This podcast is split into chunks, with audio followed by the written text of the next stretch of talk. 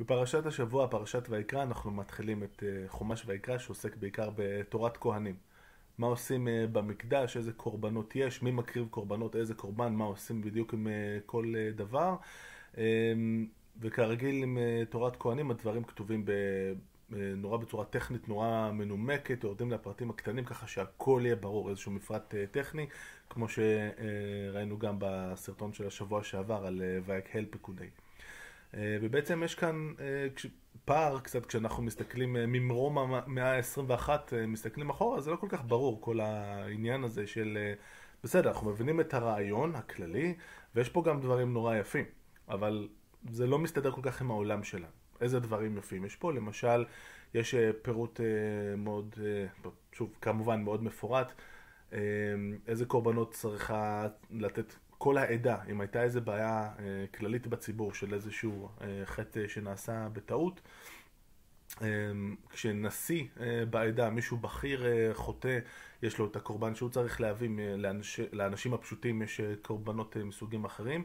יש גם פירוט מאוד יפה של אם אתה מסוגל, מעמדך הכלכלי מאפשר לך, אתה צריך להביא קורבן כזה, מה אתה יותר עני, אתה צריך לתת, אתה יכול לתת משהו שהוא יותר צנוע.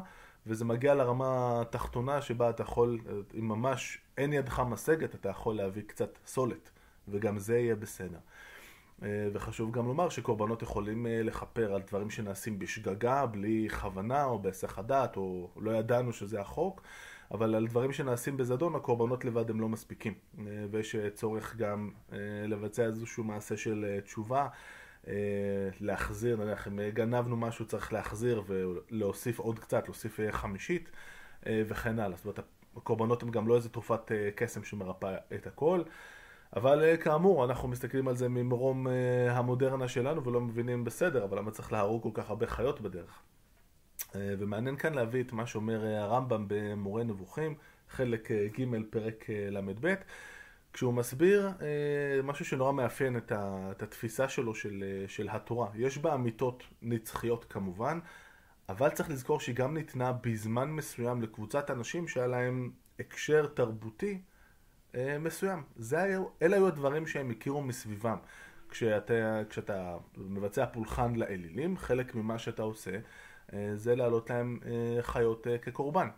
והרמב"ם מסביר שכמו ש... אה, במקום אחר למשל מסביר את זה שאי אפשר לתת לתינוק סטייק. אין שום בעיה עם הסטייק, הסטייק בסדר גמור, אבל זה פשוט לא מותאם לשלב ההתפתחותי של התינוק.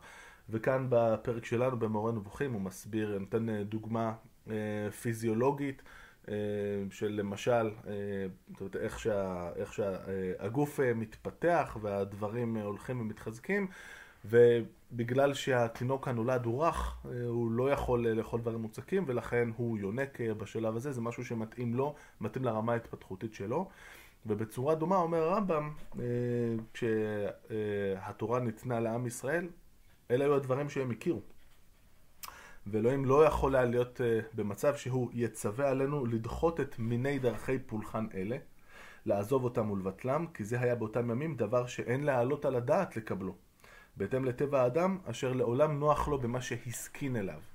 הרמב"ם יש לו תפיסה פסיכולוגית אה, מאוד עמוקה של מה יכול לעבוד עם אנשים ומה לא יכול לעבוד עם אנשים. הדבר היה דומה באותם ימים, כאילו בימינו, ואת זה הרמב"ם כותב בשנת 1125 פחות או יותר, היה בא נביא, נביא אמת, הקורא לעבוד את האל, והיה אומר, האל ציווה עליכם שלא תתפללו אליו ולא תצומו ולא תשבו אליו בעת צרה, עבודתכם תהיה רק מחשבה בלי מעשה כלל. הרמב"ם משאיר את זה כאן, ואנחנו יכולים אולי להבין אה, שגם העבודה שאנחנו כן עושים היום, מאז הרבה לא השתנה, מ-1100 עד היום, של אה, תפילה ולצום אה, ביום כיפור ובשאר הצומות, או כשיש תענית ציבור וכולי, שגם זה לכאורה יכול היה להיות מיותר, כי בסופו של דבר מה שחשוב זה הקשר הרוחני, או כמו שהרמב"ם היה רוצה לומר, השכלי, בינינו לבין אלוהים, ופחות חשוב הפרקטיקה. אבל אני לא חושב שזה פירוש נכון אה, של הרמב"ם, אה, מסיבות אחרות אה, שלא נפרט כאן.